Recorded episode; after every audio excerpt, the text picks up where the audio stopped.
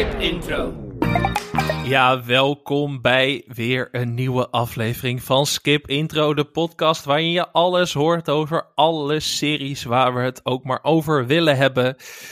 Mijn naam is Alex Maasreel en ik zit hier digitaal tegenover Anke Meijer. Anke, hoe is het? Hey. Ja, goed, maar volgens mij is het met jou beter. Ja, dit bent, is, eh, eh, niet thuis. Dit is voor het eerst dat we volgens mij eh, internationaal opnemen, Skip Intro. Ik ben een paar dagen in Spanje, in Malaga om precies te zijn. Ik wil nu natuurlijk niet de fans oproepen om hier massaal naartoe te komen op een soort bedevaartstocht. Doe dat maar niet. La- laat me met rust. Maar nee, maar nee Wat een ego, wat een ego. een, korte, een korte werkvakantie en Skip Intro gaat natuurlijk altijd door. Dus de microfoon ging gewoon mee in de handbagage. Ging het goed? Nou, dat, dat, ja, dat is wel grappig. Dat is levensgevaarlijk blijkbaar. Want ik moest door de douane op Schiphol. Eh, rustig, geen lange rijen, gelukkig. Dat, dat scheelt weer. Maar ehm, nou, mijn tas werd eruit gehaald bij die, bij die douane. En ik denk, oh, dat zal wel met die microfoon te maken hebben. Want eh, dat, ze, ze denken waarschijnlijk van, wat gaat hij doen in dat vliegtuig met die microfoon? Je kan hier ook flink wat schade mee aanrichten. Zo zwaar is dat ding. Nee, dat valt ook wel mee. Maar ja, echt, echt, echt, echt conventioneel is het ook weer niet. Dus die, eh, die douanier haalt, zo, eh, die haalt mijn tas zo apart en die vraagt aan mij van, ehm, ga je kitten? En ik kijk hem echt zo aan van, Kitten. kitten? Nee, hè, wat? Ja, kitten, zegt hij. En ik denk echt wel, wat bedoelt die man nou? Ik had echt geen flauw idee. Dus ik sta er echt zo met mijn mond vol tot ik zo... Ik was niet van plan om te gaan kitten. En hij zo, waarom zit er dan een kitpistool in je tas? En ik dacht echt van, Wat? Waar heeft hij het nou over? Weet je wel, is, heeft iemand nou een, een soort lijmpistool in mijn tas gestopt of zo in de trein op weg naar Schiphol? Ik had echt geen idee waar het over ging. Maar toen haalde hij dus die microfoon eruit en toen zag hij, oh, het is een microfoon. Het is helemaal geen kitpistool. En ik zei ook, nee, met een, met een microfoon doe, ga ik doorgaans niet kitten. Ik weet niet of die functie er ook op zit. Maar hoe die daar nou een kitpistool in je zag, ik weet het Ik- niet. ik- maar Ik zit ondertussen naar de vorm van mijn microfoon te kijken, die volgens mij dezelfde is. Maar ik, nee, ik zie het ook niet. Want je hebt zelfs de standaard niet meegenomen. nee, de standaard Met ben ik vergeten. erbij. Ja, dan zou Ja, het er meer op lijken. Maar nu het. is het gewoon, het ziet het er echt uit als een microfoon.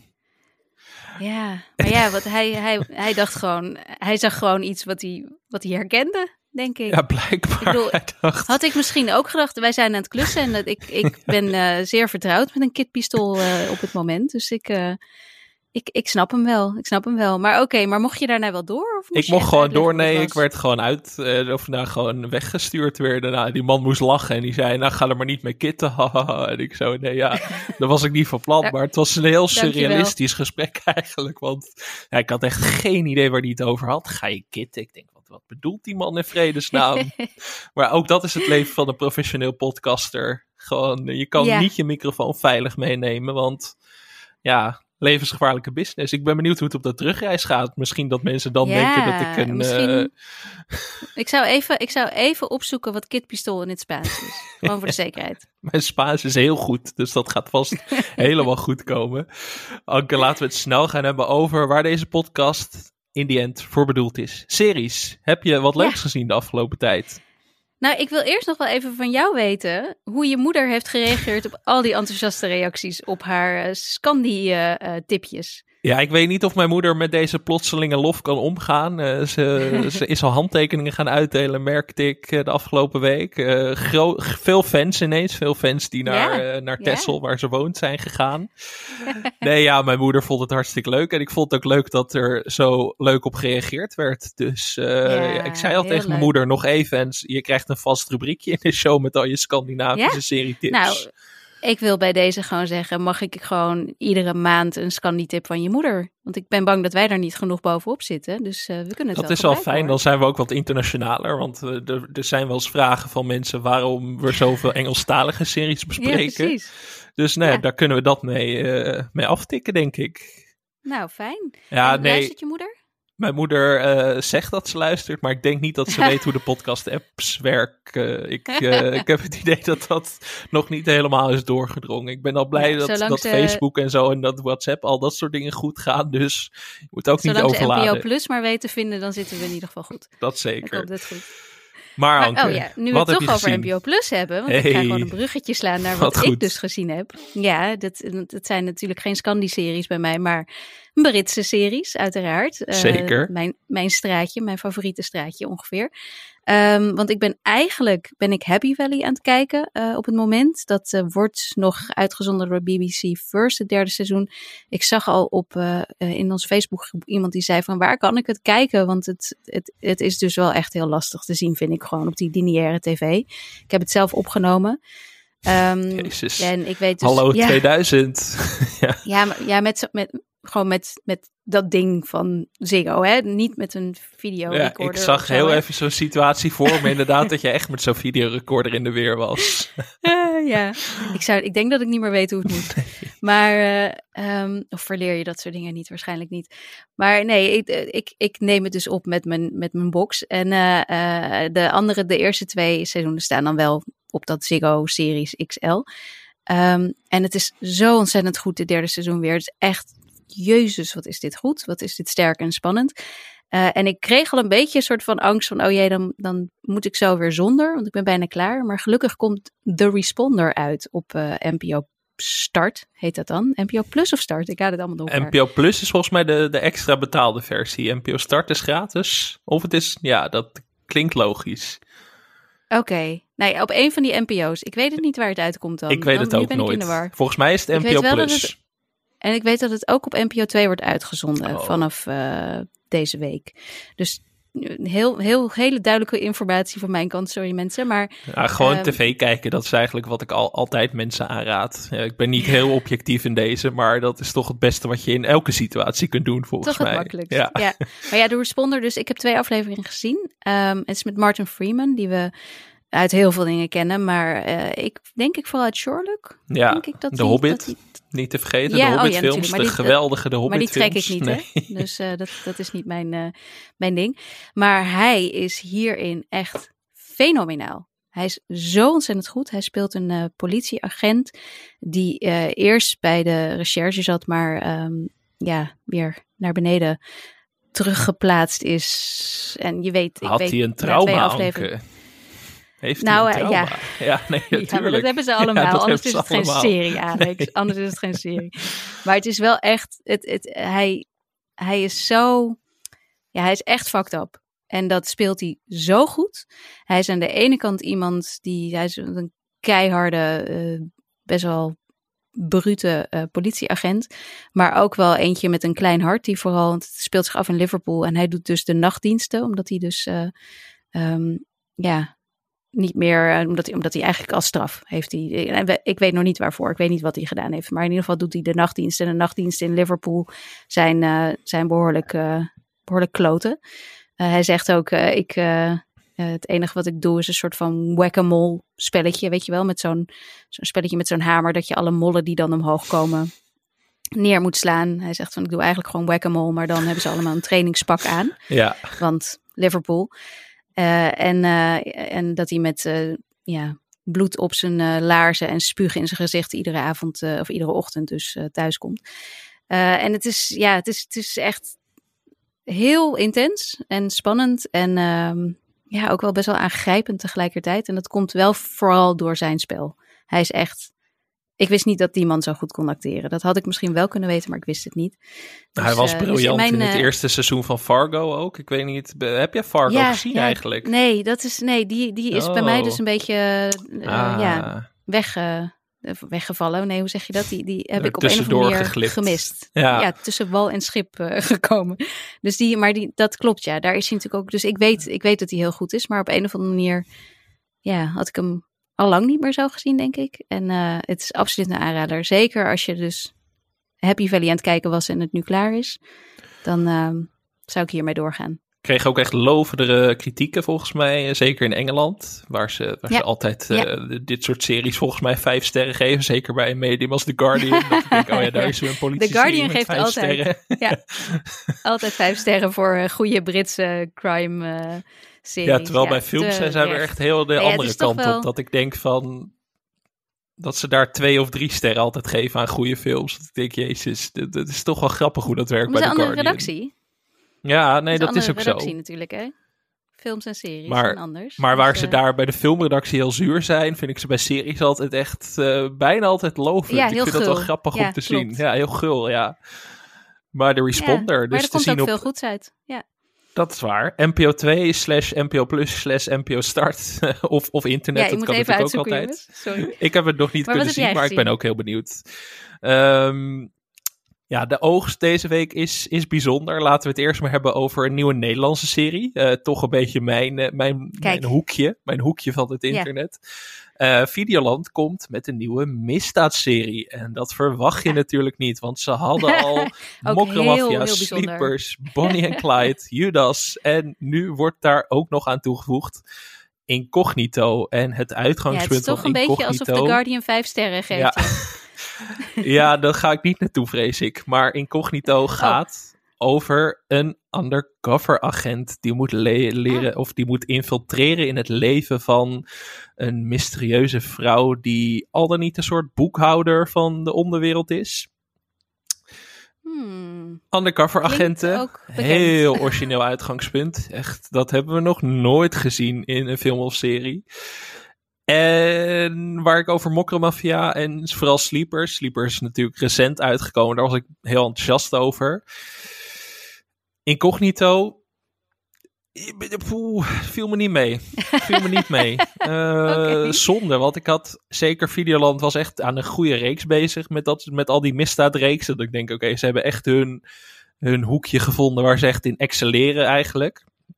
Maar deze serie, mm, voor het eerst echt, echt een beetje een, eh, een downgrade van dat hele genre. Hij is pas vanaf vrijdag te zien, dus ik wil mensen ook niet eh, heel erg demotiveren. Maar ik was een beetje Nou, wel, teleurgesteld. ik was een beetje teleurgesteld. Vond ik jammer. Oké. Dus ehm, nou we zitten nog steeds te wachten op het vijfde seizoen van Mokra Mafia. Maar eh, de, de, ja, dit tussendoortje viel een beetje, eh, nou, viel een beetje tegen. Maar ook dat is Oké. skip intro, Anke. Soms moeten we ook een beetje kritisch zijn op wat we zien. Ja, ja, ja, zeker. Dus ja. eh, nee, ik was een beetje teleurgesteld. En dat gold ook voor de volgende serie die ik ga bespreken. Maar die wilde ik toch even noemen om, om het thema. Want ik Mhm. heb het over Alaska Daily. Eerste twee afleveringen staan, vanaf, of staan sinds vorige week op Disney+. Plus. En Alaska Daily is een serie met Hilary Swank in de hoofdrol. Eh, best wel een grote, bekende actrice. ja. Ja, Ja, die, wel, die wel de afgelopen jaren niet zo heel veel eh, hits heeft gehad. nee, ze is een beetje eh, weggezakt, zou je Ze kunnen heeft, heeft zeggen. ze twee jaar geleden of zo heeft ze zo'n eh, serie gehad voor Netflix over dat ze de ruimte inging. Ik ben Oeh, volledig ja. vergeten. Oeh, die was Toen ook heb, ik er goed. nog, toen heb ik er nog geïnterviewd. Dus ik heb die serie gekeken. Maar dat was dus omdat ik er moest interviewen. Want anders had ik het niet gedaan. Dat, oh, je hebt eh, er, je hebt er uiteraard weer geïnterviewd. Dat, dat... Nee, maar, maar ik bedoel, toen was ik wel een beetje dat ik dacht, ja, het is toch Hilary Swank. Dat moet toch Ja. wel. Ja. Nou, ze heeft natuurlijk ze twee, een Oscar. ze heeft twee Oscars gewonnen. Twee. Ja, Ja. dus volgens mij is ze een van de jongste actrices die ooit twee Oscars heeft gewonnen. Dus dat is wel echt een grote naam voor eh, twee Ja. keer hoofdrol ook. Dus Million Dollar Baby natuurlijk en Boys Don't Cry. Ja. Maar de, de- haar laatste Oscar is inderdaad wel al 18 jaar geleden. Eh, en daarna is het wel een beetje zo. Eh, eh. En had ik nou gelezen dat deze Alaska Daily ook alweer gecanceld is? Of, of heb ik dat mis? Dat, dat, dat zou me niet verbazen. Ehm, Waar gaat het eigenlijk over? Vertel me. Ehm, Alaska Daily. Nou, Hilary Swank speelt een journaliste. Een topjournaliste die bij een heel groot medium in New York werkt. En daar aan de grootste verhalen werkt. Haar verhalen worden miljoenen keer gelezen. Ze wordt geboekt door alle grote talkshows daar. Echt zo'n zo'n cliché succesvolle journalist eigenlijk. Maar Ja, heel cliché. dan gaat het mis. Ze heeft een verhaal gemaakt met slechts één bron. En zoals wij weten, Anke, één bron is geen bron Geen in de bron. journalistiek. En dat verhaal blaast in haar gezicht op. En ze wordt naar eigen zeggen daarna gecanceld. Ze raakt haar baan kwijt bij dat bedrijf. Een soort een tijdje op non-actief gezet. En ze gaat een boek schrijven over al het onrecht dat haar is aangedaan doordat ze gecanceld is. Hmm. Maar dan krijgt ze bezoek van haar oude mentorfiguur die eh, de boel runt in Alaska, bij de Alaska Daily, zo'n lokale nieuwskrant die natuurlijk lang niet zo goed wordt gelezen als dat medium waarvoor ze werkt in eh, New York. Wat niet de New York Times was, ja. Niet de New York Times, zeker niet. Eh, en die Alaska Daily, ja, die, of die man, die vraagt daar eigenlijk van: wij zijn al jaren bezig met een onderzoek naar, ehm, naar dode, dode oor- oorspronkelijke bewoners, dus Native Americans, zoals we het eh, vaker in deze podcast hebben omschreven. En die worden in Alaska heel vaak, als er een, een meisje van die origine overlijdt, wordt het ge, ge, omschreven als zelfmoord. Dat wordt heel snel Mhm. door de autoriteiten zo afgedaan, maar blijkt gewoon heel vaak niet te kloppen. En nu zoeken ze een goede journaliste die, dat, eh, die daar dieper in gaat duiken. En Hilary Swank Oh. speelt dus iemand die heel erg onbevreesd is. Oké, dit, dit, dit neemt wel weer een andere draai dan ik verwacht had. Want het klopt Dat ook, want ik was- Vreselijk cliché. Ja, ik was echt bereid om dit helemaal af te gaan kraken eigenlijk. Op basis van de eerste helft van de eerste aflevering. Ik dacht echt, jezus, wat is dit, wat is dit clichématig en slecht zeg. En er klopt ook geen reet van, want het appartement van Hilary Swank is in eerste instantie heel erg opgeruimd. Echt heel erg opgeruimd. Dat ik denk, ja, dan ben je geen journalist. dan ben je geen journalist. Daar klopt, daar Nee. klopt gewoon geen hout van. Maar door dat lijntje met, eh, door het lijntje in Alaska, dacht ik toch wel weer van, hmm, misschien zit er toch wat in. Eh, dat was ook nodig, want ik vond Hilary Swank ook niet zo goed in de eerste helft Hmm. van de eerste aflevering. Heel erg over de top. En ik dacht echt van, oeh, wat is er, wat is er met haar aan de hand of zo? Ze is helemaal, alle subtiliteiten zijn weg uit deze rol of zo. Dat hoort dan ook bij, bij de eerste helft van die rol. En ze krijgt journalist. Ja. ze krijgt een paniekaanval in het vliegtuig. En dat was allemaal dat ik dacht, hmm, ik weet niet of ik dit nou eh, Emmy waardig vind. Maar goed, dat hoeft natuurlijk niet elke rol te zijn. Nee. Maar door dat lijntje, door die verhaallijn dacht ik toch, ik ga toch verder kijken. Het was dus even een twijfelgeval, maar ik vond de draai, die, of de wending die het verhaal nam, vond ik wel interessant in de eerste aflevering. Eh, de serie is trouwens nog niet officieel gecanceld, dus het kan zijn dat er nog een tweede seizoen gaat komen, maar dat is nog niet aangekondigd. Volgens mij ook wat wisselende recensies, maar de belangrijkste reden waarom ik die toch wilde noemen, Anke, ik, een hele lange Mhm. opbouw, is Mhm. omdat ik altijd gefascineerd ben door series die draaien om journalisten, omdat het heel vaak niet heel erg goed gaat, eigenlijk. Vaker fout gaat dan goed, eigenlijk. En ik vraag me af, ligt dat nou aan ons, omdat het onze beroepsgroep is? Of, of zijn ze er gewoon niet zo goed in om om de clichés heen te dansen in journalistenseries? Want het is ook wel goed om te vermelden, Alaska Daily is gemaakt door Tom McCarthy. En dat is onder meer de regisseur van Spotlight. Dat Ja. eh, in 2015 Oh, hè? de Oscar voor beste film won. En ook echt een goede film is. Ik- dus, eh, ja, ik ben helemaal in de war nu. ik, ik weet niet of ik deze serie nou wil kijken of echt niet wil kijken. ja, Oké. Nee, ja, ik, het klinkt in ieder geval, dat, dat eerste stukje klinkt inderdaad eh, vreselijk. En zoals we het ook veel te vaak hebben gezien. En ja, wat, wat mij altijd opvalt, is dat het gewoon helemaal niet klopt. Wat het ook is, waar het ook over gaat. Of het nou, eh, weet ik veel, een, een redactie van een vrouwenblad is, zoals in de, de Bold Type of Ugly Betty. Of dat het eh, eh, een, een krantenredactie of een nieuwsredactie is, zoals de Newsroom en natuurlijk de Morning Show. En, maar je had ook recent, wat had je nog meer? Shining Girls met Elizabeth Moss. Waarin ehm, eh, ze ook op een krant werkt. En dan, ja, het is allemaal, het is allemaal niet zoals het is. Want de werkelijkheid is gewoon dat we heel veel achter onze computer zitten. Ja. Af en toe eens op pad gaan en wat mensen spreken en, en aan de telefoon zitten. Dat is het een beetje. Dat is geen spannende serie natuurlijk. Maar ja, de journalisten in series en in films die belanden toch altijd heel snel in... Ja, dat, ze- dat, ze, dat ze zelf worden gevangen genomen door de moordenaar waarover ze een verhaal Ja. schrijven, zeg maar. Is mij nog nooit gebeurd. Maar ik, ik Nee, zal het gelukkig. afkloppen vooralsnog. ik bedoel, ik schrijf ook niet per se over die thema's. Maar nou, ik zag Ik denk trouwens de dit volgende keer dat ik Hilary Swank interview, dan eh, weet ik niet meer. Ah. Nou, ik zag Ja. gisteren was er een verhaal natuurlijk van een Duitse choreograaf. Die, eh, Oh, zijn ja. stuk was heel erg afgekraakt. En die had een recensent besmeurd met hondenpoep. Dus ik dacht wel, Ja. nou Anke, maar dit dat is, gevaarlijk dat is voor ons. Ja, maar dat is wel ongeveer, ik bedoel, het, het even, even wel voor duidelijkheid. Het beroepsjournalist kan echt wel eh, heel gevaarlijk zijn. Dat, dat Zeker, zeker ja. als je naar gevaarlijke situaties gaat. Maar over het algemeen inderdaad, het, boek van, eh, het beroep van recensent, eh, zoals wij het eh, beoefenen, dat, eh, dat is meestal niet zo gevaarlijk. Maar, ja, maar dus in dit geval wel inderdaad. Het leek Ik durf de straat niet meer op. Ik weet, ik weet even niet wie incognito gemaakt hebben. Maar ik ben toch bang dat ze mij gaan aanvallen straks op Ja. straat in Amsterdam. het is toch een kleine Als iemand, wereld. mij nog een keer, als iemand mij nog een keer vraagt waarom heb, schrijf je altijd alleen maar over Amerikaanse en Britse series, Ja. dan, dan zeg ik nou ja, hierom. Jij zit Geen safe. zin in showrunners op mijn dak. Ik ben meteen naar Malaga gevlucht. Ik denk, mij pakken ze niet hier. ja, precies. Maar ja, nee, het, het allerleukste voorbeeld is toch wel de Newsroom. Wat Ja, natuurlijk een totale treinramp van een serie was, maar wel een hele vermakelijke treinramp. Gemaakt door Aaron Sorkin, de maker Ja. van de, de West Wing. Maar je ziet van de Newsroom steeds vaker op Twitter dat iemand weer een fragment gedeeld heeft. Dat er een dramatische ontwikkeling is en dat daar heel hard de muziek van Coldplay overheen wordt gedraaid. En zo dan denk je echt van hoe is dit ooit uitgezonden op, op HBO? Weet je wel, hoe kan dit ooit ja. gemaakt zijn? Vorige week, vorige week in de, in de mailback-aflevering werd ons gevraagd wat dan de grootste teleurstelling was. En eigenlijk is, de- er waren er heel veel, er kwamen daar achteraf nog heel veel in op. Maar de Newsroom valt daar absoluut ook onder. Want ik ben groot The West Wing fan. Eh, en groot Aaron Sorkin fan. eh, en eh, ja, ik vind, ik vind de man ook echt altijd heel leuk vertellen en praten. Hij heeft heel vaak meegedaan aan de West Wing Weekly, de podcast. Ehm, maar de Newsroom was ja, bijzonder. Heel erg vreselijk bijzonder. Ja, Ja, misschien dat Ja. het toch te maken heeft met dat wij zelf journalisten zijn. Dat we er dan toch kritisch naar nee, kijken. iedereen ik denk, vond dat. Ja, nee, maar misschien, ik heb het in het algemeen wat meer over journalistenseries. Ik denk ook dat nou, binnenhuisarchitecten zouden ook woedend zijn als ze zien hoe hun beroepsgroep wordt afgebeeld in films en series waarschijnlijk. Ja, dan vinden ze altijd een lijk, hè, als ze dan die vloer gaan vervangen. Altijd. Ja, zo bijzonder.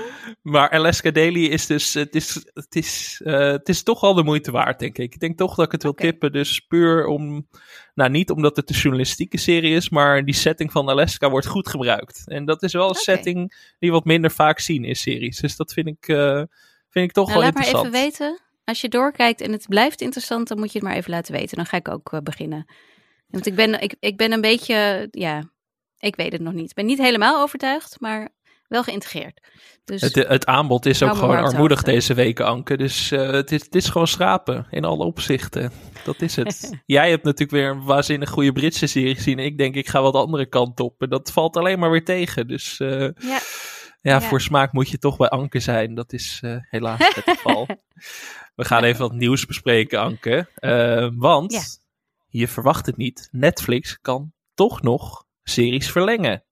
Dead. 90 Show krijgt een tweede seizoen. En ik denk toch wel dat dat puur aan ons te danken is. Dat wij die aflevering hebben gemaakt. Dat, dat over, over, eh over dat ze nostalgie alles maar tv. waren. Ja, En dat we Ja. gezegd hebben dat ze alles aan het cancelen zijn. Toen dachten ze, nou, we geven ze er toch een. Omdat Alex uiteindelijk toch wel redelijk enthousiast was over Dead 90 Show. Zei krijgt gewoon een tweede Ja. seizoen. ja, nou kijk. Kijk, wat een invloed. Ja, maar ik las ook wel weer dat ze Arrested Development, wat gewoon een van hun originele comedies is, een van de allereerste, dat die Ja, van eh, het platform gaat eh, verdwijnen. nou, dat is, ligt natuurlijk net iets anders. Want de eerste drie seizoenen van Arrested Development zijn niet gemaakt door Netflix. Ehm, het hoorde vierde wel, en vijfde ja. seizoen wel. En wat ik wel weer frappant vind, is die, vi- dat vierde en vijfde seizoen waren echt, dat was echt waardeloos. Terwijl de eerste drie seizoenen van Arrested Development vind ik bij het beste horen wat er ooit op comedygebied gemaakt is. Uh, Mhm. Dus eerst heeft Netflix het helemaal verneukt met twee nieuwe seizoenen. En nu gaan ze het ook nog helemaal offline het. halen. Dat ik denk, ja, Ja. Dit, wat is dit nou weer voor, Ja. een, voor een waardeloze kutstrategie? Om het maar even heel plat te zeggen. Dus toch weer Nee, streng zijn voor puur- Netflix. Ja, het is ook weer geldbesparing, want ze willen de licensing fees niet betalen van die eerste paar seizoenen inderdaad, die dan niet eh, in eerste instantie op Netflix stonden. Ja, het is Ik word hier echt eh, helemaal gek van, Anke. Ik, ik ga het ook niet meer, Ja, ik vertrouw er ook niet meer op. Ik koop, ik koop wel gewoon de dvd's weer allemaal, want dit, Ja. dit slaat allemaal nergens op. Want ik, Ja. ja, je en kunt weet je wat ook meer niet meer... vertrouwen. eh, weet je waar je dus ook niet meer op kunt vertrouwen? Je bent echt met Dat- bruggetjes bezig vandaag. het is ongelooflijk. Nee, maar dat is dat een eh, kus in een film of een serie ook daadwerkelijk een kus was. Want ik weet niet, heb je dat meegekregen over eh, die film You People? ja, Die ik volledig gemist heb, maar die op Netflix eh, is verschenen. geldt voor niet in de meer bioscoop, films die op? Netflix uitkomen. Ja, ik heb de Die film gezien. Het is een film met Jonah Hill en Eddie Murphy en Julia Louis-Dreyfus. Dus qua cast zit het wel goed. Ja, en, en is het jou opgevallen dus dat aan het einde van de film, dan, dan zoenen de personages van Jonah Hill en Lauren London, heet zij. En dat die zoen dus niet echt was? Was je dat opgevallen? Het was mij niet opgevallen, maar ik zag volgens mij was iemand op TikTok die was er eh, heel erg, die had erop ingezoomd. en er was iemand over in een Oh, podcast ja. en er was ook een En- figurant die gezegd dat ze hebben niet echt gekust. Ja, ja. En Nee, een ja, als je acteur. het- een echt een, eh, een, van de, een van de hoofdrolspelers heeft dit in de Oh, oké. Ja, Oh, dat geeft het nog Ja. wat meer eh, autoriteit in Ja. ieder geval mee. Eh, want ze hebben dus tijdens het filmen was het gewoon dat ze naar elkaar toe gingen en toen ja, op, een, op meerdere centimeters afstand zijn gestopt. En in de film is te zien hoe ze dus ja, in elkaar, eigenlijk, als je, het, als je het weet, dan, dan zie je het ook. Dat het gewoon echt in elkaar gemorfd wordt bijna. Het loopt in elkaar over op een gegeven moment. Dat is ook niet hoe een zoen er over het algemeen uitziet in het echt. Maar uh, ja, het is, het is, ik, ik weet niet precies wat het verhaal erachter was. Maar er stond vandaag toevallig een heel stuk in, uh, in NRC. En vorige week geloof ik in The Guardian ook. Uh, over hoe dit dus inderdaad ja, toch wel een beetje wat vaker gebeurt. Dat, dat die intiemere scènes niet meer, niet meer echt zijn. Je had ook in een Lindsay Lohan film, dat was een kerstfilm. Daar heb je dus ook dat het een stand-in was die uh, op een gegeven moment zoent. Dus niet Lindsay zelf, maar een stand-in die met de acteur in kwestie aan het zoenen is. Wat je ook heel duidelijk ziet. Uh, het, is, het, is, ja, het is een beetje een gekke trend. Ik las ook allemaal dat Penn Badgley, um, de hoofdrolspeler van You, zo'n Netflix-serie die uh, super, super populair is en die wij alle twee volgens mij nog nooit hebben gezien en ook nooit zullen zien. Uh, tenminste, ja, ik heb een deel van het eerste seizoen gezien, maar dat was een duidelijk geval niet voor mij. Ja, precies. Nou ja, in ieder geval, hij heeft dus aangegeven dat hij voor dit nieuwe seizoen had hij de showrunner gevraagd of hij uh, zo min mogelijk uh, intieme scènes mocht doen. Omdat hij, uh, ja, eigenlijk omdat hij trouw wilde blijven aan zijn vrouw. Ja. Maar ik wist niet dat je vreemd ging als je als acteur met een ander. Ik bedoel, ja, ik snap, ik snap dat het misschien awkward is, maar het is ook wel weer je vak. Het is toch niet echt? Ja, ik vind het echt vind het heel bijzonder. wat een slap gedoe zeg. Sorry dat ik het zeg, maar je, je, je wordt toch acteur en dan moet je jezelf toch geven op allerlei situaties. Ik snap dat je niet het bed in moet duiken met je, met je acteurs, maar ik vind dit wel nou ja, een beetje overdreven hoor. Ik denk, jezus. Je leest altijd dat juist die scènes helemaal niet uh, sexy zijn, omdat er twintig mensen ja. een camera omheen staan. Maar ja, ik vind het toch dat het dan ook nog echt gefaked wordt. Uh, want dat kan natuurlijk steeds makkelijker. Dat, ik vind dan in You People, wat ik heb gezien, zag er, zag er niet echt heel goed uit. Maar ik neem aan dat, dat ja, als er wat CGI op wordt gezet, dat het echt wel heel goed eruit kan, uh, kan zien. Ja. Ik bedoel, ze kunnen hele planeten laten ontploffen, dus uh, ja, waarom niet?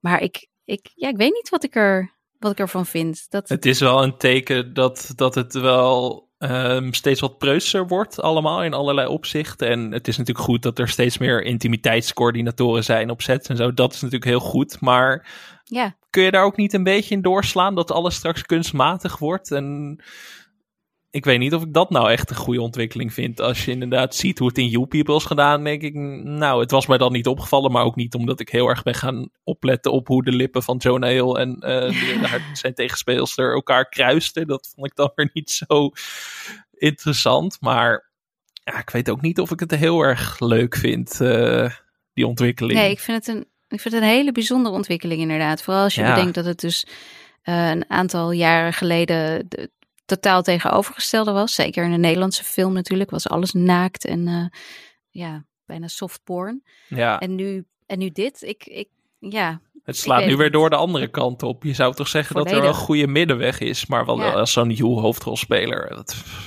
Jezus, ja. ook roomser dan de paus, zeg, als ik dit zo hoor.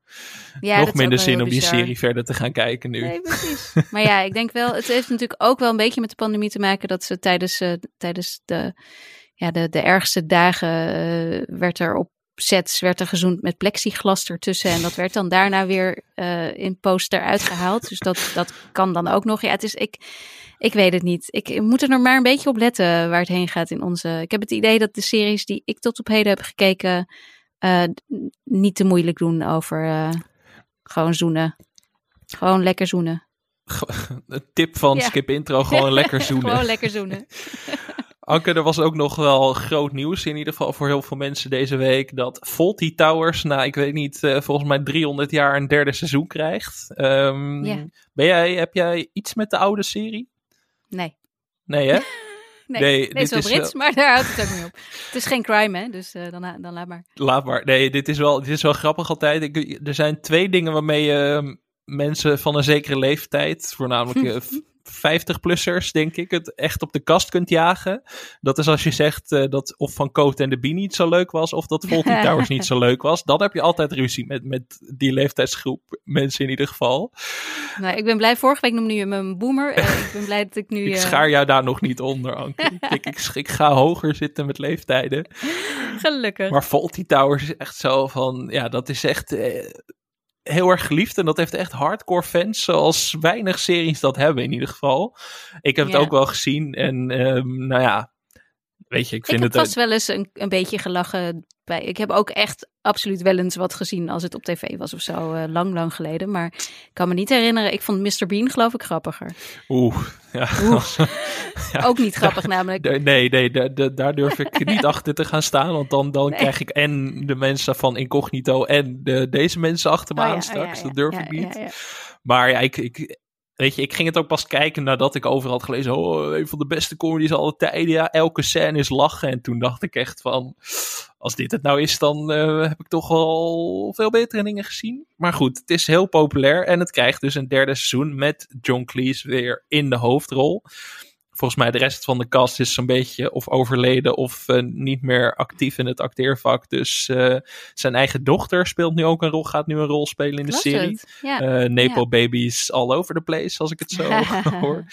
Ehm, ja, er was meteen zo'n discussie, want John Cleese is de laatste jaren heel erg eh, anti-woke. En die is heel erg tegen, oh, cancel culture, verpest alles. Ja. Weet je, echt de typische boomergejank, om het maar weer even zo te zeggen. Ja, en nu heeft hij gezegd, Volty Towers gaat daar niet over. En ik dacht meteen van, ja, herken jij nog wel eh, dat je zelf misschien een iets wat bozig oude man Mm. bent geworden? En gaat dat helemaal niet terugkomen in de serie? Ik durf het te betwijfelen. Ja, ik vraag het me ook af. Maar het is inderdaad door wat er. Ik, bedoel, Faulty Towers. Ik, ik maak net de vergelijking met Mr. Bean. Ik heb eigenlijk, om heel te zijn, ik weet het niet meer zo goed. Het is echt heel lang geleden dat ik beide series heb gezien. Ehm, waarschijnlijk was het, was het vast heel erg goed. Maar ja, ik, ik vraag me af of, of dat niveau. ehm, hoe dan ook inderdaad weer geëvenaard kan worden wanneer de man die het maakt ja, zoals hij de afgelopen jaren. Er zat geen humor meer in, in alles wat hij zei de afgelopen jaren. Dus ik, ik, ik weet niet of hij dat opzij kan zetten. Als je zo'n ja, toch wel redelijk zuur wereldbeeld hebt eh, ontwikkeld, dan vraag ik me af of je het inderdaad herkent. Eh, wanneer je dat nog steeds toepast op wat je aan het schrijven bent. Dus ik, ik ja, ik, ik weet het niet. Maar gelukkig, eh, dit klinkt ook niet als onze serie. Dus misschien, ja, maakt het niet uit. Skip intro. Ja, nu we het toch hebben over oude series, is dit een perfect brugje naar een nieuwe rubriek in onze podcast. Die voortkomt uit de mailback-aflevering van vorige week, waarin luisteraar Daan vroeg of het niet tijd werd dat wij een plekje gingen inruimen voor een rubriekje waarin oude series wat meer werden uitgelicht. Eh, dat vonden Anke en ik allebei een goed idee. Dus toen dachten we van, nou ja, daar moeten we gewoon maar ruimte voor gaan maken. En dan was Daan zo aardig om meteen zelf de aftrap te gaan verzorgen met zijn bijdrage over de serie The Young Ones. En daar gaan we nu even naar luisteren. Hoi, Anke en Alex Daan hier. Ik wou graag een, eh, een lans breken voor The Young Ones. Een serie die gelanceerd werd in de jaren 80. eh, destijds in Nederland uitgebracht door de VPRO. Eh, The Young Ones is echt een, een sitcom, gesitueerd in een vervallen studentenhuis met daarin vier studenten. Een anarchist, een hippie, een loser eh, en een cool guy. En The Young denk ik, was in vele opzichten vernieuwend. eh, door de rauwe, ongepolijste, anarchistische inslag. Echt scheid aan alles. En, en hier ja, werden de tekortkomingen van het Engelse klassenstelsel soms pijnlijk blootgelegd. Echt, echt klassiek jaren tachtig. Ook door het absurdisme, pratende sokken, rollende hoofden, een atoombom in de keuken. En een continue stroom van, van Easter eggs, hè, zoals verborgen boodschappen, die er continu door het beeld flitsten. En een, ehm, er was ook een onbekend persoon, een dame met lange haar, die gewoon random in sommige scènes eh, lijkt te zitten. Eh, echt compleet gestoord. Eh, dan de muziek natuurlijk, eh, ook heel iconisch. In iedere aflevering een optreden van bands zoals eh, Motorhead of Madness. Ehm, en dan eh, ook het geweld. Hè, wat erin gebruikt werd, echt een hele rauwe slapstick. Doet echt pijn als je naar kijkt soms. Eh, en dit uit, uiteraard eh, volledig in de Britse traditie. Zeer vakkundig geschreven met veel subtiele onderhuidse grappen. Eh, waarin het eh, Britse volk zichzelf eh, onsterfelijk belachelijk maakt. Ik denk dat het destijds al zeer vernieuwend was. De BBC begreep het niet en daarom werd het op ITV uitgezonden. En wat mij betreft is het na al die jaren nog steeds niet sleets. De meeste afleveringen zijn op YouTube te bekijken. Het hoogtepunt is de Bambi-aflevering, denk ik, waarin de groep studenten strijdt tegen een, een college uit Oxford. Met erin gastrollen van Emma Thompson, Stephen Fry en uh, Hugh Laurie. Ook niet, ook niet de minste. Uh, ja, zeer het kijken waard. Ik hoop dat jullie dat ook vinden. Doei! Fawlty Towers, minder. Young Ones vond ik vroeger wel leuk. Dat kan ik me nog herinneren. Dankjewel Daan voor de herinnering. Ja, dankjewel Daan voor je fantastische tip. Ik heb deze serie uh, nooit echt gezien, maar dat ga ik zeker doen nu ik dit zo hoor. En dit is meteen een goede oproep aan de luisteraar om van je te laten horen. Wil jij een oude serie in het zonnetje zetten? Dan mag dat. Dan kun je gewoon een audiobericht naar ons sturen via een van de bekende kanalen zoals Instagram of Patreon.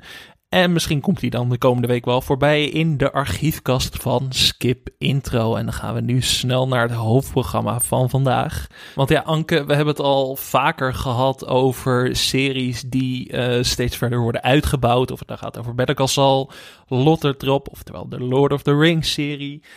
Of House of the Dragon, wat natuurlijk een prequel is van Game of Thrones. Ja, misschien heb je er wel eens van gehoord.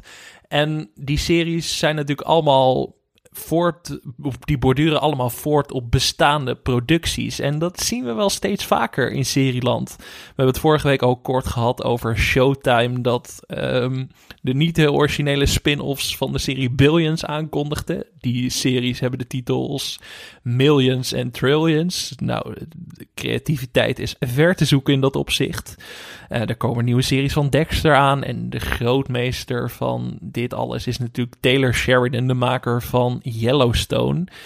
Ja, die zoveel prequels en sequels van Yellowstone in productie heeft dat het overzicht totaal weg is. Dus... Zal ik ze nog even noemen? Zal ik ze voor de grap even noemen wat er aankomt? Er komt van 1883 komt nog een spin-off die Bass Reeves heet. Uh, met uh, um, David Oye Oyelowo in de hoofdrol. Dan heb je uh, 6666. Uh, dat speelt op een ranch die in Yellowstone ook uh, te zien is geweest. Wat ze aan het maken zijn. Dan zijn er nog twee series in de maak over de jaren 40 en de jaren 60. Dus dat wordt dan 1940 en 1960, denk ik. Uh, en het nieuws dat vorige week brak, toen ik net mijn artikel over Taylor Sheridan voor de krant had geschreven. Dat dus misschien Yellowstone wel stopt, omdat er, omdat er een beetje gedoe is tussen de onderhandelingen tussen Kevin Costner, de hoofdrolspeler, en Paramount Studios, waarvoor het gemaakt wordt. Dus is de oplossing niet om Costner tegemoet te komen of wat dan ook, maar om gewoon de hele serie te stoppen, de meest succesvolle serie van Amerika, gewoon te stoppen. En een, een ja, nieuwe variant erop te maken die in hetzelfde universum speelt. Maar dan niet met Kevin Costner, maar Matthew McConaughey in de hoofdrol. Wat, wat wel grappig was met Kevin Costner, hij wilde niet, hij wilde nog maar vijf dagen per jaar opnemen of zo, toch? Het was echt zo, ik dacht, nou, ja, dat is een luxe leventje wel, dat je gewoon vijf dagen per jaar voor in kunt vliegen voor de hoofdrol in een grote serie en dan weer doorgaan met je leven. Dat klonk wel ideaal Quiet eigenlijk. quitting heet dat tegenwoordig. Quiet quitting. Nou, Ja. ik snap wel dat ze Nee, daar dat op een gegeven moment ook wel bij veel gevraagd. dat ze bij Studio Paramount dan gaan zeggen van, nou, meneer Costner, misschien dat wij even iets anders gaan doen eh, dan in dit opzicht. Ja, maar wat een flex dan. Dat je dus die, die, die, dat monster, schrijfmonster van een, van een Taylor Sheridan hebt. Die dan gewoon zegt, weet je wat? Laat gewoon maar zitten. Mijn meest succesvolle titel. Ik stop er gewoon mee. Ik ga gewoon iets anders maken. En eh, eh, ik bel nog wel een andere grote ster die een Oscar heeft gewonnen. Matthew McConaughey. Daar gaan we. Ik vind het echt waanzinnig. Waanzinnig, ja. Maar Sheridan heeft eh, zoveel ja, macht nu in, wel- ik- in serieland natuurlijk, dat hij alles kan maken. Ja, ja, blijkbaar. Maar het is ook wel weer, want ik las natuurlijk ook dat Tulsa King, dat eh, eh, eh, werd natuurlijk geshowrund. Dat werd wel geschreven door Sheridan, maar geshowrund door, ehm, help me even. Terrence Winter, een van de schrijvers van The Sopranos en Boardwalk Winter. Empire. Ja. ja. Boardwalk Empire, ja, Terrence Winter, precies. Ja, soms, sorry, soms moet jij mij gewoon helpen. Dat is mijn geheugen, hè, Dat van is mijn bijna boemer die ik bijna ben. boer. Ehm, maar ja, dus, het, eh, maar die eh, eh, heeft dus aangegeven dat hij stopt als showrunner van Tulsa King. En dat had te maken met creative differences. Hmm. Dus ik, ik kan me ook wel voorstellen dat Taylor Sheridan ook geen makkelijke is om mee samen te werken. Maar ja, Paramount is ondertussen natuurlijk heel erg blij met hem. Want ja, ze hebben dus dat wat ze, wat ze blijkbaar heel erg fantastisch vinden. Een enorme franchise met al die series van, eh, ehm, van Taylor Sheridan. Eh, Zozeer zelfs dat ze dus nu, dat dat de hele strategie is van eh, Paramount. Hoe heet hoe gaan ze Paramount? Gaan ze nu Paramount with Showtime noemen? Want Ja. Showtime eh, ehm, wordt min of meer geschrapt. Ja, die gaan Dus samen eigenlijk. Of Showtime, gaat op in Paramount. Showtime is de studio die, die billions dus maakt. En trillions en millions en zillions en weet ik veel wat. En ze maakten eerder Homeland. Ze maken Yellow Jackets. en Dexter, Dexter. en Homeland. Ja, En ehm, eigenlijk eigenlijk... best hele leuke titels altijd. Zeker, maar met die, met die samen met, de- met die fusie eigenlijk is het franchise denk ik er helemaal ingeslopen. Want volgens mij willen ze van Dexter ook meerdere, Ja. meerdere prequels en sequels en weet ik veel wat gaan maken. En ik denk echt van, oh Ja, nee, het houdt Dexter. Origins. Ja, Ik heb dit, Alex, ik heb dit ook opgezocht. Dexter Origins. Dus dan ja, het origin story van Dexter. Voor zover we dat wilden. dat, ja, maar dat zat al Eh, in de en er serie komt dan toch? een nieuwe versie. Precies, precies. En er komt een, een nieuwe versie van dat Dexter Nieuwblad, wat dus de, de, de ja, soort van het vervolg was, wat een tijdje terug. Ik heb het nooit gekeken. Ja, nou ja, daar, ik zal het niet het einde spoilen, ik zag het net wel. Maar in ieder geval, die, die nieuwe versie, dus zal dan gaan over Harrison. Dat is dus de zoon van Dexter. Die, eh, die eh, dat, dat ene gen blijkbaar ook heeft overgenomen. En dan zijn ze nog aan het kijken of ze ook eh, eh, een franchise kunnen maken eh, over memorabele personages uit Dexter. Zoals bijvoorbeeld de Trinity Killer, die toen door John Lithgow werd gespeeld. Die wel echt heel angstaanjagend geweldig goed was natuurlijk. Maar ja, ik neem aan dat het niet John Lithgow is die ze dan jonger gaan maken met CGI. die dan vervolgens die rol speelt. Dus dat, maar ja, dat, dat, is, dat is dus inderdaad wat ze met, met Dexter allemaal van plan zijn. Want ook dat wordt dan een hele franchise. Wat, wat ik nu wel verwacht is dat je van, van series als Lost en Homeland en inderdaad Dexter en Ray Donovan misschien ook wel, dat je daar alleen maar prequels, sequels, eh, requels van krijgt over bijpersonages die... Wat is een requel? Ja, requels weet ik niet, maar dat heb ik net bedacht. Een soort dat is toch een soort vorm van een reboot en een, eh, en een sequel eigenlijk. Of is daar een andere term voor? Ik weet het niet. Anders hebben wij hem nu bedacht bij deze skip intro, copyright. Mag je gewoon opschrijven. Maar ja, is die ontwikkeling nog te stoppen? En dat is ook de reden waarom wij dat vandaag wilden bespreken. Van er, er lijkt geen einde aan te komen. Het wordt alleen maar meer en meer Anke. En als ik die Dexter spin-off idee hoor, dan denk ik echt nee, stop hiermee. Nu het nog kan. Laten we ingrijpen. Ja. Bescherm originele ideeën alsjeblieft. Ja, het is echt, het is echt niet om eh, heel vrolijk van te worden, inderdaad. Want als je bedenkt wat voor een originele ideeën er dan de afgelopen tijd zijn uitgekomen. Zoals iets als The Bear of Reservation Dogs. eh, toch wel mijn favoriete series om weer op terug te vallen. Mhm. Dat, dat, ja, dat, dat wil je toch blijven eh, krijgen. Je wilt toch niet, als ze nu zouden zeggen hoezeer ik ook Succession fantastisch vind. Als ik Och. nu te horen zou krijgen dat er een Succession spin-off zou komen. Ja, het- we hebben het er volgens mij laatst ook al over gehad. Voor mij hoeft het echt niet. Nee. Want het, ja, geef mij maar gewoon een heel origineel en nieuw idee van de makers van Succession. Daar word ik enthousiast van. Ja, precies dat. Want ik zag laatst ook weer, dat was dan wel van in een fangroep of zo, dat iemand zei: hey, we hebben echt een spin-off nodig of een prequel-serie over Logan Roy in Succession en hoe die geworden is, wie die nu is. En ik dacht echt: nee, dat wil ik echt niet weten. Laat het, laat het gewoon bij de serie die het is. En natuurlijk heb je dan af en toe een uitzondering. Moet het ingevuld zoals een worden? Better Call Saul, wat dan wel de voorganger overstijgt. Maar dat is een van de drie, vier voorbeelden uit de geschiedenis waarin dat echt goed is gegaan. En de rest ja, laat toch wel zien dat het nooit op Ja. kan tegen het origineel. En is dat ook niet veel meer een idee van, ik vind het, het universum waarin het speelt, dus eigenlijk gewoon de stad waarin het speelt, eh, heel interessant. En ik neem gewoon één personage wat verder eh, nog niet is uitgewerkt en ga daar, geef daar gewoon een hele eigen voorgeschiedenis aan, Mhm. die verder eigenlijk ook losstaat van, van die andere serie. Ik bedoel, het, het, het, heeft alleen maar op het laatste heeft het toch een beetje elkaar gekruist, maar verder niet. Precies. Zeg ik als niet-kijker. Nee, nee, precies. Maar ja, dat is omdat, omdat die makers gewoon goed een idee hadden wat ze willen. En dat ze ook echt een andere serie hebben gemaakt. Maar waar de valkuil bij heel veel van die franchise-series is volgens mij dat ze zoveel mogelijk van de oude magie opnieuw willen gaan creëren. En ik denk Ja. dat het daar heel erg misgaat. Als ik dat van Dexter hoor, ja, die, die serie over zijn zoon is dan gewoon een voortzetting van met een andere acteur. Waarin we dan Michael C. Hall waarschijnlijk eh, wel weer flashbacks of zo zien opduiken. Terwijl Vast. de Trinity Killer, Ja. dan denk ik, ja, hij, was een, hij is een van de meest legendarische tv-schurken aller tijden. En als je die nu heel erg gaat uitdiepen, dan verliest dat ook al zijn magie. Zeker als John Lithgow hem niet speelt, dan denk ik, ja, wat heeft dat dan nog voor zin? Het was toch. Precies, het was toch omdat het John Lithgow was die opeens zo'n ontzettend freaky seriemoordenaar speelde. Precies. Eh, Dat was de magie ervan. En het is inderdaad, ga je dan. eh, Kijk, spin-off is natuurlijk. Dat ze dat willen, komt gewoon omdat het een, een, ja, een soort van meegeleverd succes eh, biedt. Het zijn gewoon, je hebt al een vast publiek, wat waarschijnlijk ook weer gaat inschakelen. Het is, het is gewoon eigenlijk hele makkelijke.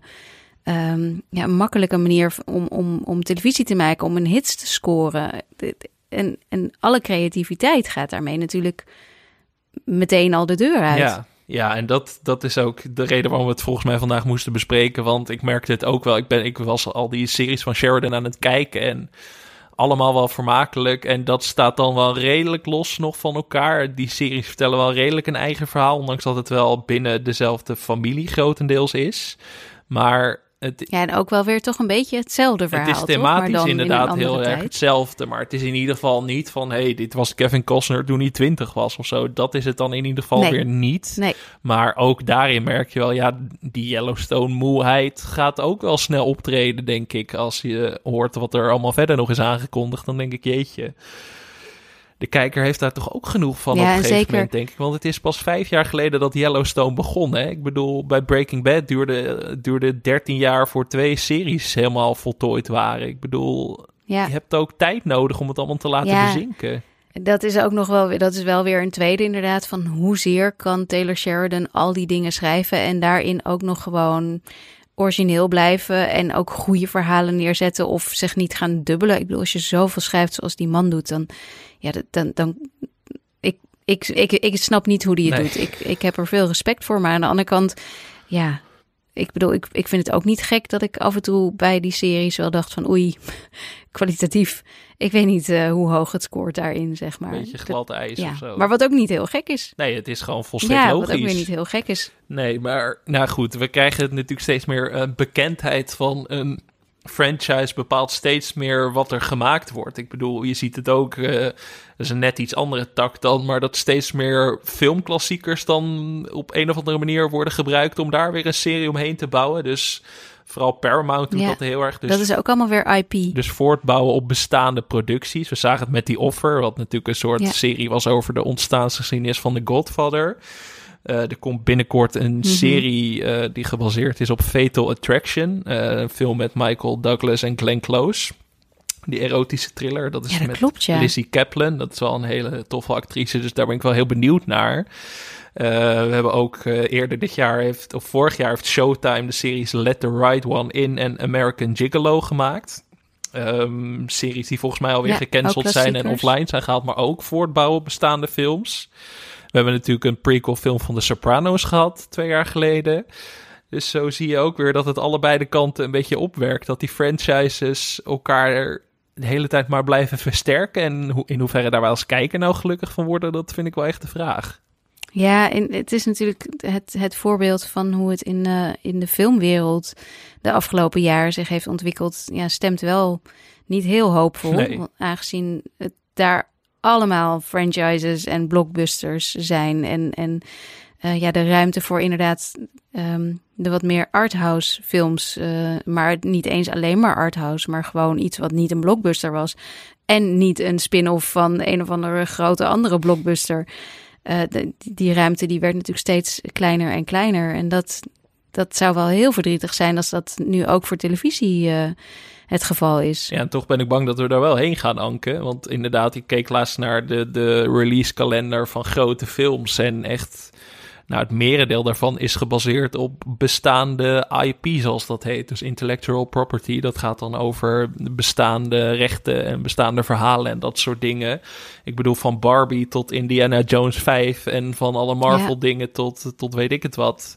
Dat dat, ja, dat ga je in de filmwereld, is dat echt een niet te stoppen ontwikkeling. En ik ben bang dat als ik zo een beetje naar alle series kijk en alle nieuwe plannen die zo'n Showtime aankondigt, dat ik denk, nou, dan gaan wij ook die kant op als het zo doorgaat. We zien het natuurlijk, Marvel en Star Wars zijn ook steeds meer op televisie zich gaan mengen.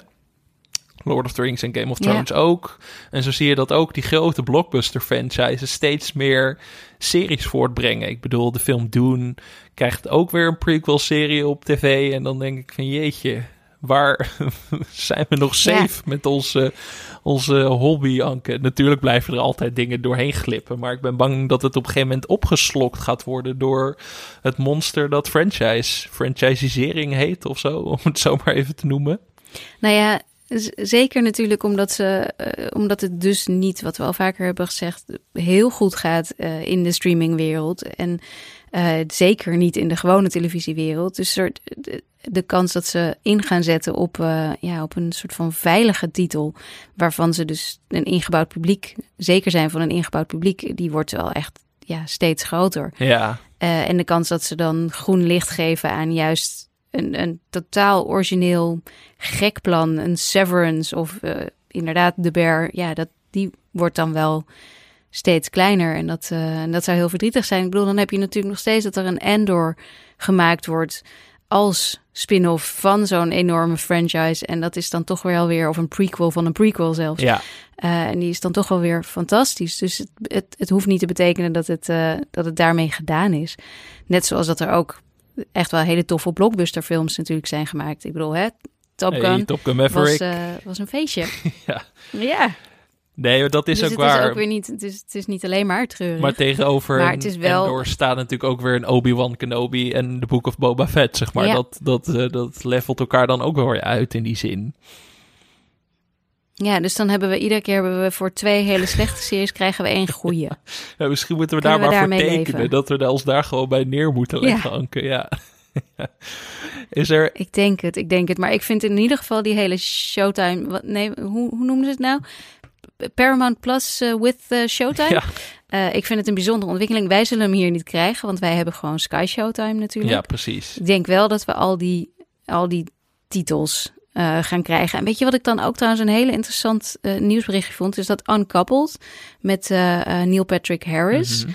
I- Wat op Netflix laatst het eerste seizoen had. Dat is dus door Netflix alweer gecanceld. Maar dat is dus nu door Paramount Plus with Showtime wordt dat opgepikt. Want die willen dat dan weer in hun... Want het zijn ook allemaal universes die ze aan het beelden zijn. Die wil dan weer in hun LGBTQ of culturally diverse, zoals ze dat eh, Oh. zeggen, universe, eh, eh, willen, ze, willen ze dat dan weer hebben. Dus ja, wat dat betreft is er dan wel weer ruimte voor iets origineels, maar dan moet het wel weer in zo'n universum passen. Wauw. Dus het, ja. Het is ook wel, je weet Ja. ook niet meer, je kunt ook niet meer vertrouwen dat als wij zeggen, hey, dat is een Netflix-serie, dan is het blijkbaar over een jaar kan het weer op, eh, op Showtime of op Apple of op. eh, net- ja, dat wordt wel ook steeds meer een ding natuurlijk nu. Al die ehm, steeds meer streamingdiensten gaan shoppen met hun, eh, met hun series of ze cancelen of ze van de streamer afhalen. Dat we ze steeds Ja. vaker bij andere dingen weer Nee, het is heel ingewikkeld. Eh, er was al geen lijn in te ontdekken waar is- wat nou precies stond. En dat wordt alleen maar erger de komende tijd. ja, nee, als iemand eh, daar echt een goede app voor eh, gaat ontwikkelen, waarin je inderdaad in, in real time kunt bijhouden waar wat staat, dan eh, kun je geloof ik goudgeld verdienen. En nou ja, als iemand een idee heeft en dat kan maken, dan willen wij best onze naam daaraan verbinden. Zeker. Dan gaan we samen geld verdienen. Ja, alleen dat wij er geld aan verdienen. Hè. We gaan er niet aan meehelpen natuurlijk. Nee, dat, dat gaan we natuurlijk dan wel doen. Maar nee, het, eh, ja, het, is, het is een beetje chaos in Serieland. Ik denk dat we daar wel op kunnen, de conclusie kunnen trekken. Dat het een beetje rommelt Ja, overal nee, aan dat, alle eh, kanten. Dat is één ding dat zeker staat. En eh, iedereen probeert daar op zijn eigen manier blijkbaar eh, ja, uit te komen. En we gaan kijken wat de beste manier is.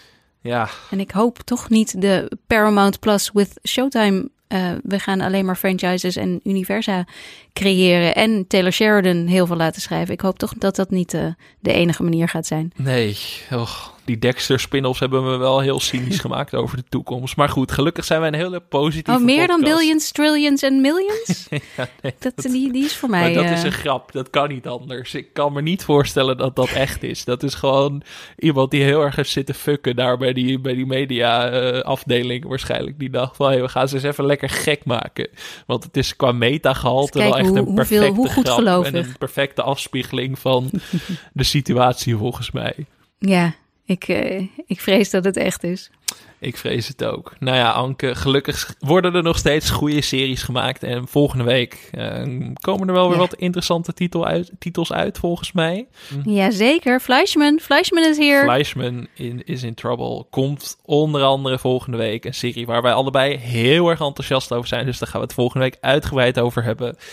Volgende week gaan we het denk ik ook even kort hebben over een nieuwe serie van Amazon Prime Video, The Consultant, met Christoph Waltz in de hoofdrol. En nou, er komen vast ook nog wat andere dingen voorbij. Tot die tijd kun je lid worden van onze Facebookgroep.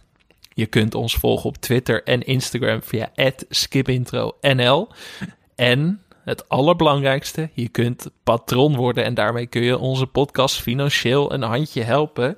En ik ga weer even de mensen bedanken die dat de afgelopen week, die zich hebben aangemeld om bij de club van seriepatrons te komen. Ik wil graag bedanken yes. Cindy, Jamie, Remco, Betty, Suzanne, Pieter, Noor, Sies, Rina en Roxanne. Welkom allen. Um, aanstaande Welkom. maandag is er natuurlijk weer een recap van The Last of Us die exclusief te beluisteren is via Patreon. Dus luister daar vooral naar. En woensdag zijn wij er weer met een nieuwe aflevering, Anke. Ja, leuk. Wie weet waar we dan zijn. Misschien ben jij dan wel in, uh, in Indonesië en ik in Zuid-Amerika. Je weet het nooit met ons, hè? Nou, dat zou echt heel bijzonder zijn. maar uh, ik, ik denk het niet, maar wie weet. Sluit het absoluut niet uit. We zien het volgende week. Wat een cliffhanger. Tot volgende week, Anke. Tot volgende week.